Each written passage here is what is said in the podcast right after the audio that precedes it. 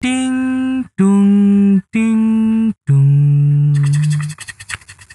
Dung ding ding dung. Hey yo, welcome to podcast station episode kedua. Yeay, akhirnya kita bisa melangkah ke episode kedua karena episode pertama sangat menuai banyak respon positif. Iya, antusiasnya mereka mendengarkan untuk episode selanjutnya juga lebih tinggi. Yeay. Uh, tepuk tangan untuk kita. Ternyata banyak juga yang suka sama suara kita Endit ya. Iya, karena mungkin eh, hal baru ya. Mhm. Maksudnya kalau yang lain kan ke YouTube ya. Oke. Jadi kita hanya mendengarkan aja. suara dan sambil membayangkan. Karena muka kita nggak representatif kali ya. Iya. Oke, untuk episode kedua kali ini kita ngebahas apa sih Kayat? Iya, jadi kita kemarin udah terima beberapa ini ya DM ya yang juga ingin berbagi tentang eh, gimana pengalaman mereka selama berrelvaining ini. Gitu. Wow. Malah ada yang pengen cerita tentang eh, apa awal mulanya dia dulu jadi relevan kayak apa gitu kan. Oke, jadi berarti hari ini kita akan ngajak beberapa relevans untuk join on air sama kita. Mm-mm. Berapa orang totalnya kak? Mungkin bisa dua aja dulu ya. Dua dulu Ah, untuk pemanasan ya. ah, ya. Karena Nah. sebenarnya yang nge-DM udah banyak banget. Ah, ah, teman kita harus saring ya. Oke, saringnya berdasarkan eh, yang kita telepon aja yang paketannya sama dulu ya kan no offense ya ini ya ya no offense. Heeh, ya. daripada paketan kita sayang kan ke Mm-mm. kebuang-buang gitu Betul. kan Jadi Hangus. intinya karena kita kemarin sudah perkenalan dan menceritakan versi kita, Mm-mm. sekarang kita akan coba telepon beberapa relevans dan menceritakan versi mereka masing-masing. ya sebelumnya kita mau telepon dulu ya jadi nanti eh, untuk yang ini penelpon pertama ya kita secara randomly kita pilih untuk penelpon pertama Halo sobat malam.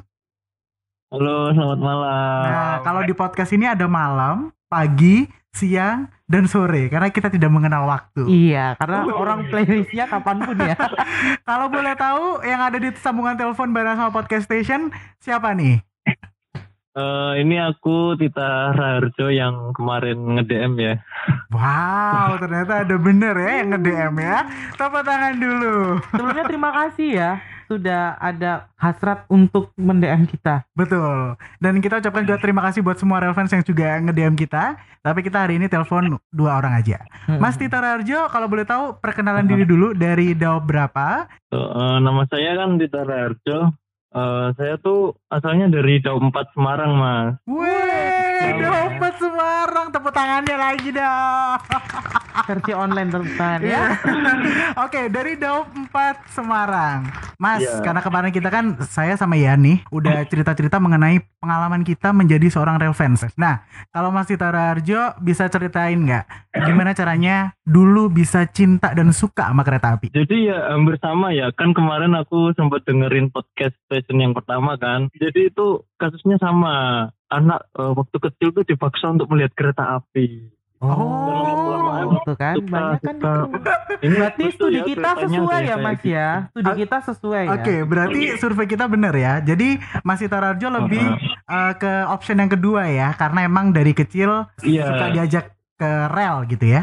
Ya betul. Oke, Apalagi terus, kan terus? rumah rumah kan deket sama stasiun Gerumbung tuh. Oh. Pertambangan antara ke Surabaya sama ke Solo balapan. Mhm. Nah, jadi waktu dulu setiap subuh tuh habis subuhan selalu ke sana diajak sama bapak gitu Oh. lihat kereta. Kalau boleh tahu itu umur berapa tuh diajak bapak ke rel kereta? Umur berapa ya? Waktu TK sih, TK kecil kalau nggak Oh, salah. masih unyu-unyunya ya Yan ya? gemas Iya. ya masih gemas Saat itu masih ingat nggak? Pertama dilihat pas subuh-subuh gitu ya, kereta apa yang paling terregister di dalam otak Mas Tita Raharjo nih? Ah, ada dua sih sementara. Waktu itu ada dua ya. Mhm. eh feeder Tawang Jaya Oh. waktu dulu dari Semarang Poncol ke Bojonegoro. Wih, zaman masih ada feeder Tawang Jaya. iya loh yang kecil itu Iya, yang terus pendek sama ya sempet inget dulu tuh ada ke Pandanwangi masih ditarik sama Lok BB. Waduh. Iya, BB 200 kalau nggak salah. Wow, itu kenangan banget ya. Iya. Mhm, mhm. Berarti saat itu langsung mendeklarasikan diri kalau adalah susah beribet ya. Mendeklarasikan diri kalau saat itu juga suka sama kereta dan mungkin dari dua itu salah satu kereta favoritnya atau ada kereta lain yang lebih favorit Mas Tita? Bukan, kalau favorit sih cenderung ke ini ya malah Harina ya. Oh Harina, boleh cerita nggak kenapa tuh Harina? Karena apa ya mengenal perjalanan ke Bandung gitu kan. Waktu Oh. main ke Bandung gitu. Oke. Sama satu lagi Kamandaka. Kan kereta baru tuh. Iya, karena ya sama tadi ada kenangan di perjalanan itu. Oh, karena menyimpan kenangan. Kalau boleh Iya. tahu kenangannya apakah ada yang berhubungan dengan suka dengan lawan jenis atau seperti apa? Agak Iya, private itu. ya nanya sebuah, Kepo ya. perjuangan ya. Gimana gimana? perjuangan main ke Purwokerto dulu kan belum ada kan kereta ke Purwokerto langsung Oh. gitu kan. Waktu main ke sana tuh kan ada temen juga di sana rel tank dari 25 juga kan. Mhm. Nah main kan jadi semakin dekat gitu, semakin akrab. Oke. Berarti Semakin itu ya ada perkenalan di dalam situ ya. Iya, berarti kemarin relate banget ya Ndut ya sama cerita kita kemarin ya. Iya. Tak kira kita juga kita aja yang kayak gitu ya. Ternyata Iya. ada. Ternyata adalah ini, ini langsung korbannya, korban, tersangka lebih tepatnya ya. Mas Tita ada cerita-cerita unik nggak saat ditanya orang gitu kenapa eh, suka sama kereta? Eh, ada sih waktu itu waktu kan sering motret kereta kan hunting foto gitu kan. Hmm, Eh, spotnya itu di pinggir jalan raya Oke. di, di Semarang. Terus Terus? tahu-tahu ada bapak-bapak kan berhenti. Mas lagi ngapain? Yes. Kayak gitu kan. Ini pak mau motret kereta. Bapaknya kaget. Hah? Kereta kok dipotret mas? Kenapa nggak dinaikin? Bapaknya usil juga ya. Terus terus terus terus. iya makanya kan. Oh iya pak soalnya suka ini pak naik naik kereta juga suka cuman ini pengen motret aja kan kayaknya uh, ada segi ke- keindahan tersendiri gitu kalau dipotret kan. Heeh. Terus bapaknya pasrah aja. Iya pas aja oh gitu ya mas Iya, Terlalu lemah pak anda ya. Nggak kayak teman aku kemarin kan terlalu ngotot dengan konsistensinya. Iya iya iya iya. Ada lagi nggak Mas Tita yang pengen diceritain buat eh, relevan semua yang dengerin podcast station? Eh, apa ya nggak ada sih Nggak ada ya? Nah, eh, Oke. Ah, ah. Total berarti berapa tahun Mas suka sama kereta nih? kalau suka suka kereta sih dari kecil ya dari TK udah suka cuman kalau gabung di bener-bener terjun ke dunia rail fans tuh dari SMA kelas 2 kalau nggak salah 2013 Oh berarti SMA kelas 2 baru eh, terjun bener-bener ya? Ikut komunitas Iya. atau gimana tuh? ya dulu ikut komunitas sekarang vakum jarang ikut Oh boleh disebut nggak komunitasnya apa waktu itu pasti? ya kalau kalau di Semarang tuh ada komunitas rail fans Dok 4 Oh. atau singkatannya KRDE Oh KRD teman-teman KRD halo semuanya. Iya, halo salam dari kita dari Surabaya. Yes. Oke, berarti pertama kali join ke KRD 4 itu tadi ya. ya KRDE Tapi sampai sekarang komunitasnya masih aktif kah? Masih masih aktif Oke Mas Tita, terima kasih ya buat sharingnya sama teman-teman podcast station. Semoga masih sering dan setia buat dengerin podcast station ya. Wow, ternyata antusiasnya yang satu ini juga menarik ya. Ada ceritanya sama loh. iya bener-bener. Berarti Bisa emang gitu ya. gini-gini. Berarti kemarin kita survei itu, Mm-mm. berarti emang kebanyakan real fans emang relate banget dengan alasan betul, itu ya. betul. Jadi bukan survei abal-abal. bukan survei abal-abal. Oke, kalau dari Mas Tita tadi menurut aku Dut yang menarik adalah eh, bapak-bapak yang terlalu flat tadi ya, tidak ada pendirian yang teguh untuk menanyakan pertanyaannya. Nggak, pada dasarnya orang-orang tuh emang bingung lah. Merasa kenapa sih orang ini kok kereta sama aja kok difoto kayak Iya gitu-gitu sih, kan. Iya sih. Terus habis gitu ada yang apalagi yang kereta kok kok seneng sih eh apa naik kereta bener naik naik bis kayak gitu-gitu kan ada Iya, yang banding iya, suka iya. banding-bandingin kan Ah, karena ah, ah, ah. ya kalau dibanding dibanding-bandingin terus nggak ada nggak akan ada habisnya Sekarang kita akan masuk ke penelpon kedua. Ah. Ini namanya yang biasanya menemani rembulan, apa tuh bintang. bahagia saya coba telepon dulu ya Namanya bintang di langit nggak gitu ya? Deng deng deng deng. Halo. Oh, selamat semuanya. Yoi. Alhamdulillah. Salam kenal Mas temannya rembulan ya Mas Bintang. Kita lagi Ya, ada di salam kenal juga. kita lagi ada di podcast station. Terima kasih sebelumnya sudah mengirimkan DM ke kita kita. Pertama pertanyaannya sama seperti episode Hmm. pertama kita kemarin. Sebenarnya kenapa Mas Bintang ini Hmm. suka sama kereta api? Eh, suka sama kereta ya. Jadi gimana ya ketika waktu saya naik kereta dulu kan emang kan sering dulu mudik ke Banyuwangi kan ya naik kereta. Nah, eh, sensasinya tuh loh enak banget. Terus Oh, apa namanya kan eh, perjalanannya penuh sensasi, kemudian kan eh, lintasannya kan apa namanya berliku-liku kayak hidup yang berliku-liku, terus juga kan ada terowongan kayak hidup yang gelap, kemudian habis gelap terbitlah terang kayak Oh. gitu. Jadi jadi itu kayak apa ya per- perjalanan itu berkesan gitu loh. Hmm. Jadi di situ en enak banget lah naik kereta, apalagi kayak gujus-gujusnya itu, jedek-jedeknya kayak gitu itu, itu kayak uh, terngiang banget gitu loh.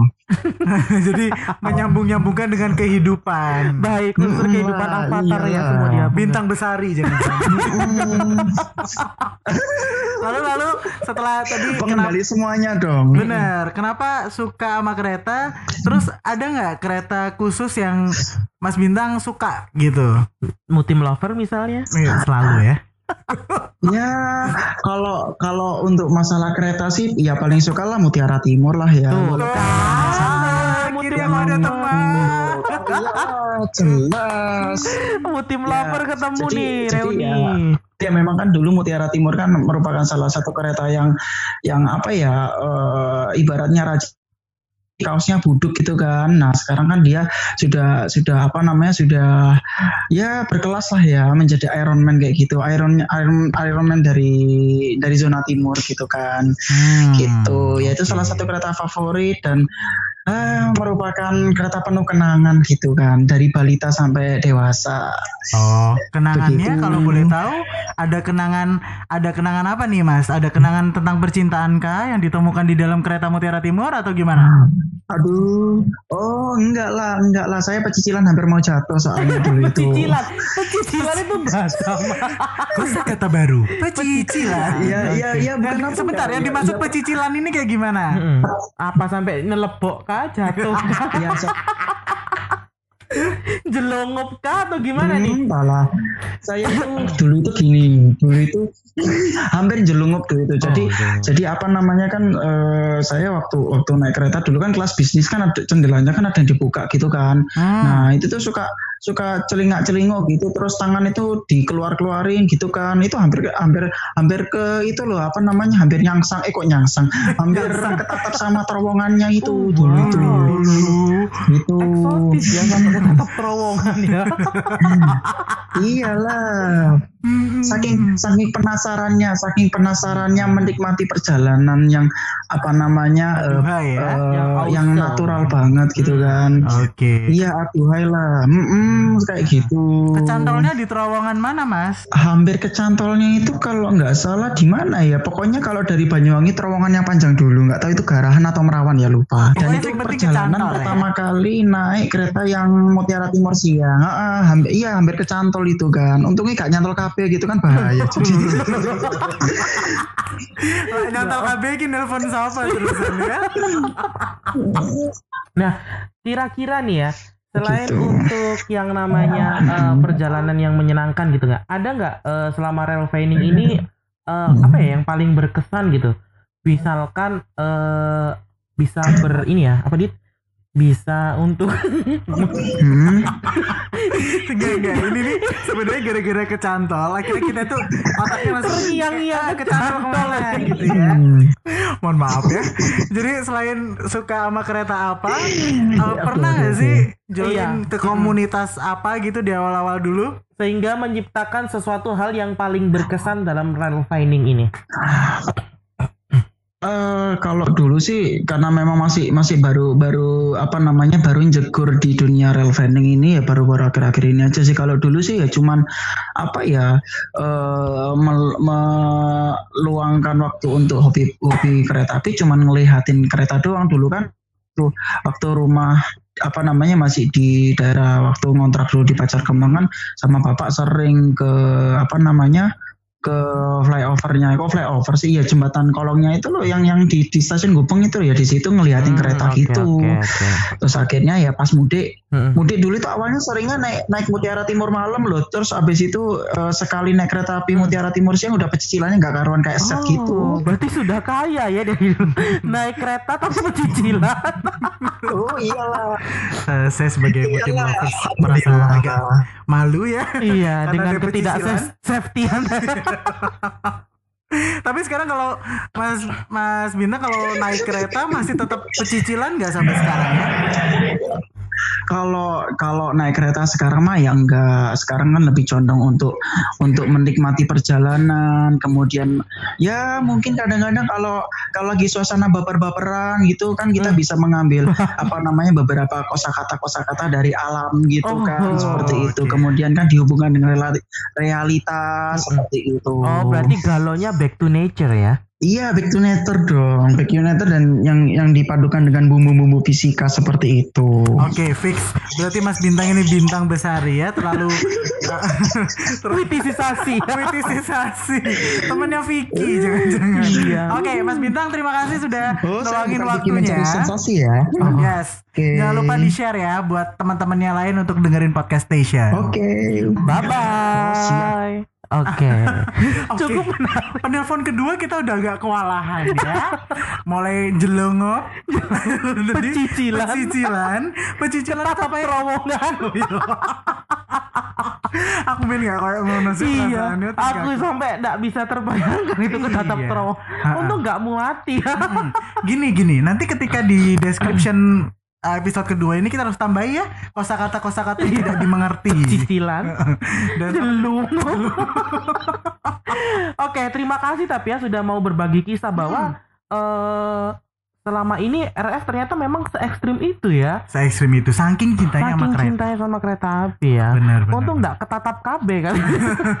Wes bahaya lah iya. gitu ya. Tadi semoga di penelpon yang terakhir ini kita bisa mendapatkan sesuatu hal yang lebih wise, yang lebih berkesan dan lebih bijaksana mungkin ya. Iya dan kayaknya sih penelpon terakhir ini sangat spesial ya.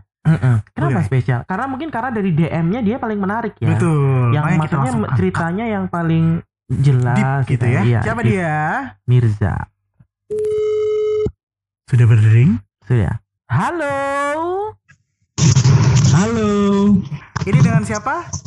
Podcast Station berbicara. Ada gerusak-gerusak kak itu di tolong digurak dulu ayamnya. Ah, Dihempaskan ya.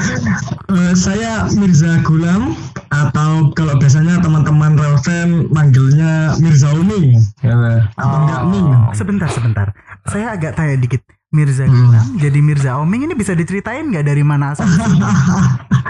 Ya sebenarnya itu semacam nickname aja sih gitu oh karena kan nama beken Iya. ya berarti ya? Nama Iya, panggung. heeh. nama panggung Panggilan akrab. Bahasa umumnya gitu. Oke, tadi tuh kita sebenarnya janjiannya Mas Mirza sama dua orang aja untuk kita telepon. Cuman Mas Hmm. Mirza yang terakhir kita telepon harus punya something special untuk diceritakan di podcast station ya. Mm-mm. Sesuatu Oke. yang unik ya. Sesuatu yang unik. yang pastinya beda dari dua orang tadi yang kita telepon ya. Oke, Betul. tapi kalau boleh tahu asal usul kenapa sebenarnya Mas Mirza ini suka sama kereta?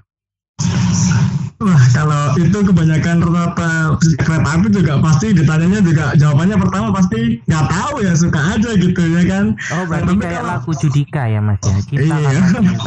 Tapi kalau kalau ditanya lebih eh, spesifik, kalau menurut saya sih ya, saya pertama kali lihat kereta api ya keren gitu, karena kali tarik bawa ratusan orang bahkan. Gimana sekali tarik bisa bawa ratusan orang? Iya, Ditarik orang Iya, ya. narik apa Mas kalau boleh tahu ya?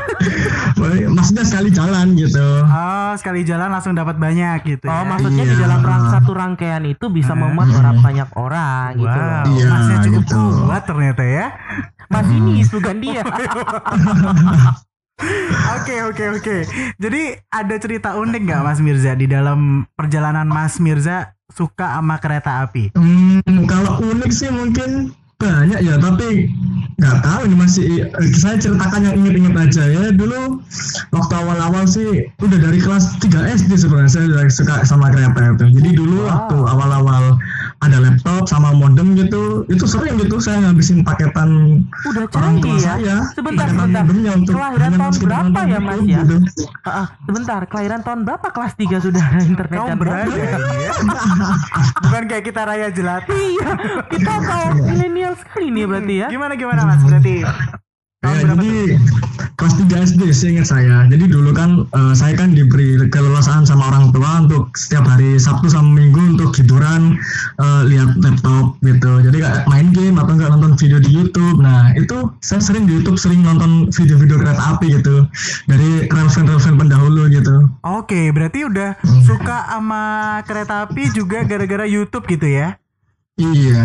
Oh, sudah ada YouTube ya? Peran Kalau- serta YouTube sangat membantu berarti Ah, ya. Eh, karena dulu kan eh, gimana ya, YouTube-nya juga masih kualitas videonya juga masih nggak sebagus sekarang kan gitu. Oke. Jadi ya eh, sebenarnya dari dulu YouTube ada sih, tapi ya nggak se-training sekarang karena orang juga Mhm. kalau dulu kalau pikir saya juga ya ngapain gitu lihat video gituan ya kan gitu. Oh, tapi kalau benar-benar. saya ya eh, kalau saya ya terhibur aja gitu lihat kereta api gitu. Hmm. Hmm, oke. Kira-kira nih ya, pada waktu dulu jadi relevan gitu kan, ada hal yang menurutmu eh anu nggak sih yang pasti kan kalau yang tadi kan hal yang unik ya, Hmm. Ha- Hmm. hal yang paling berkesan maksudnya. Ya mungkin itu eh, salah satunya pas waktu hunting sih. Ini ya sebenarnya nggak nggak terlalu spesial juga sih. Ya cuma momennya aja yang bagus gitu. Jadi waktu itu eh, kita hunting di Pasuruan dan itu kita ngejar kereta api.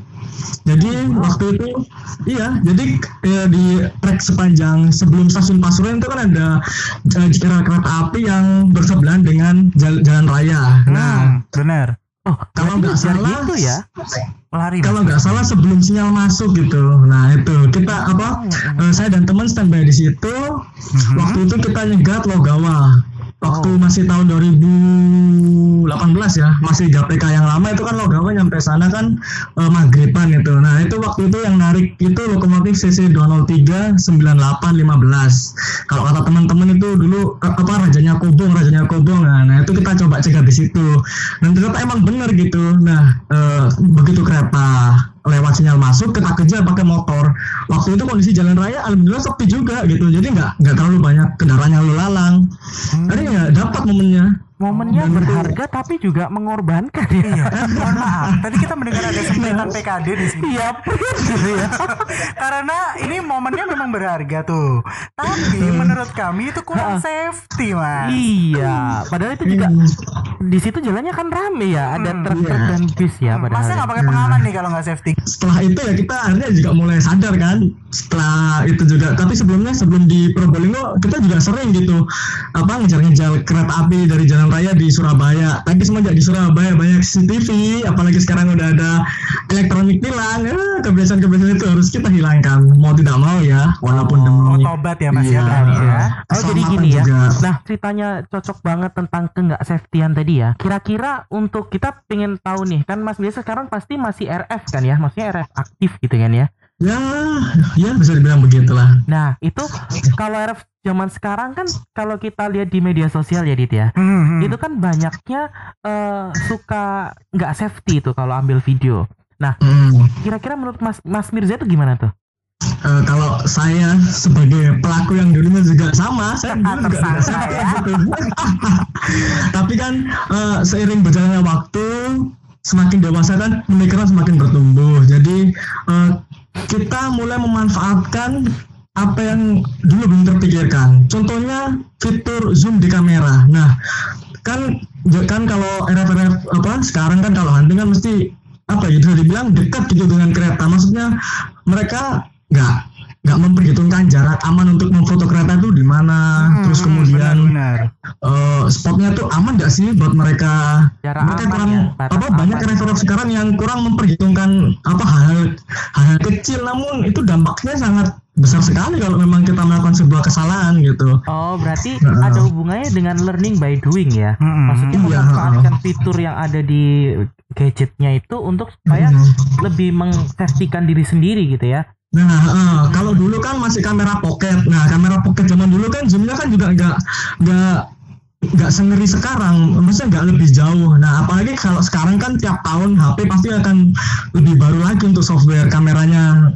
Nah itu bisa dimanfaatkan untuk RF-RF sekarang gitu. Jadi jangan apa 2020 lah ya, jangan nanti deket-deket rel lagi gitu. Gimana gitu? Hmm, Kalau Oke. menurut saya sih. Nah. Mas Mirza udah merasa sangat dewasa ya Mas ya sekarang ya. Oke, ngomong-ngomong tapi Mas Mirza pernah nggak ya ngikut komunitas yang menurut Mas Mirza, wah komunitasnya kok gini ya? Atau punya pengalaman unik saat join pertama kali di komunitas?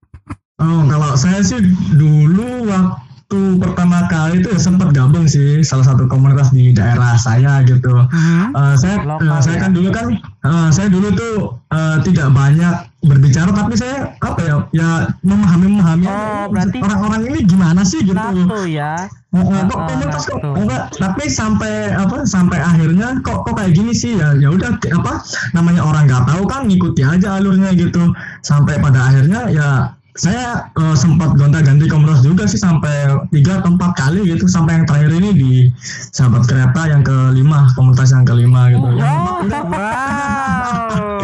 eh, kalau komunitas itu kan visi atau misinya kan harus satu dengan kita gitu Nah, mungkin Wow. Iya, Jadi mungkin empat ya. penulis itu visinya nggak nggak nggak sama dengan saya gitu. Jadi mungkin saya nggak cocok ya udah saya memutuskan untuk keluar gitu. Oh, berarti selektif sekali. ya. Dan dan berarti akhirnya tambatan hatinya tertuju pada komunitas sahabat kereta. Oke, berarti emang satu visi dan misi aja ya. Akhirnya Hmm. kenapa bertambat hatinya pada sahabat kereta gitu ya? Iya. Oke. Oke, jadi hal terakhir nih yang mau ditanyain ya. Dah, eh, kalau kita kan pertama sudah pernah nanya angan-angan dalam rel fanning yang sudah tercapai. Kita kemarin di episode 1 menjelaskan itu. Kira-kira angan-angan apa nih? Atau hal yang ibaratnya dalam eh, rel fanning nih hal positif yang sudah tersampaikan dan rasa puas. Kalau saya ya mungkin eh, sebenarnya saya kan dari dulu tuh sukanya tuh jalan-jalan gitu kan. Nah mungkin dengan rel funding ini ya juga menyampaikan hasrat jalan-jalan itu juga gitu kan. Jadi jalan-jalan nggak sekedar jalan-jalan aja tapi bisa naik kereta api, Mhm. jadi naik naik kereta api, naik transportasi umum gitu. Jadi kan kita juga memanfaatkan transportasi umum yang ada gitu. Berarti akhirnya hobinya tersalurkan dengan baik ya, Mas ya? Iya. Mungkin Iya, iya, mungkin iya, untuk iya, di iya. episode selanjutnya kita bisa agendakan untuk bahas ini ya, Safety. untuk safety ya. Oke. Thank you Mas Mirza.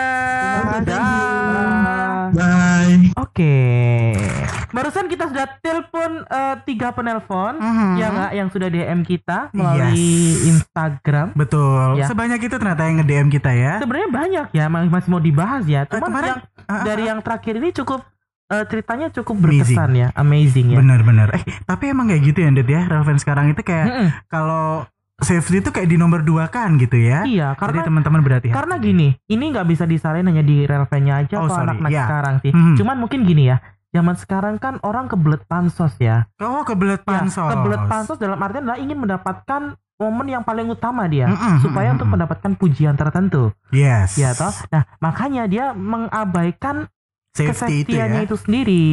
Sa- oke. kadang dia sampai rela jatuh bangun aku gitu tuk, Dang, tung, dang, tung. gitu ya sampai akhirnya kita. Oh, enggak ya.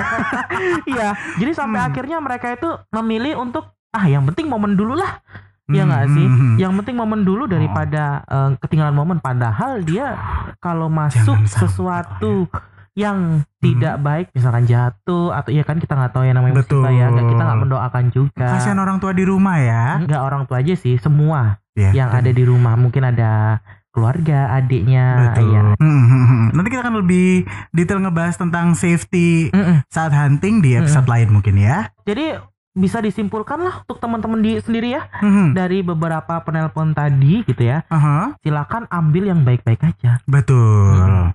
Jadi kita cuman buruk-buruk nge-share ya. information ya. Mm-mm. Iya, so Inggris. Iya kan? Informasi. kita harus bertaraf internasional ah, bener. Podcastnya go internasional ya. amin Hati-hati virus corona. ya untuk teman-teman yang misalkan sudah DM kita tapi belum kita telepon jangan Next episode, berkecil ya. hati ya nanti mungkin di next episode bisa kita ajak langsung ngobrol Ya, dan kita ingetin lagi jangan lupa untuk nge-share podcast station di semua channel sosial media kalian Hmm. biar kita makin semangat untuk membuatnya ya. Oke, kita akan selesaikan dulu episode yang dua ini Mm-mm.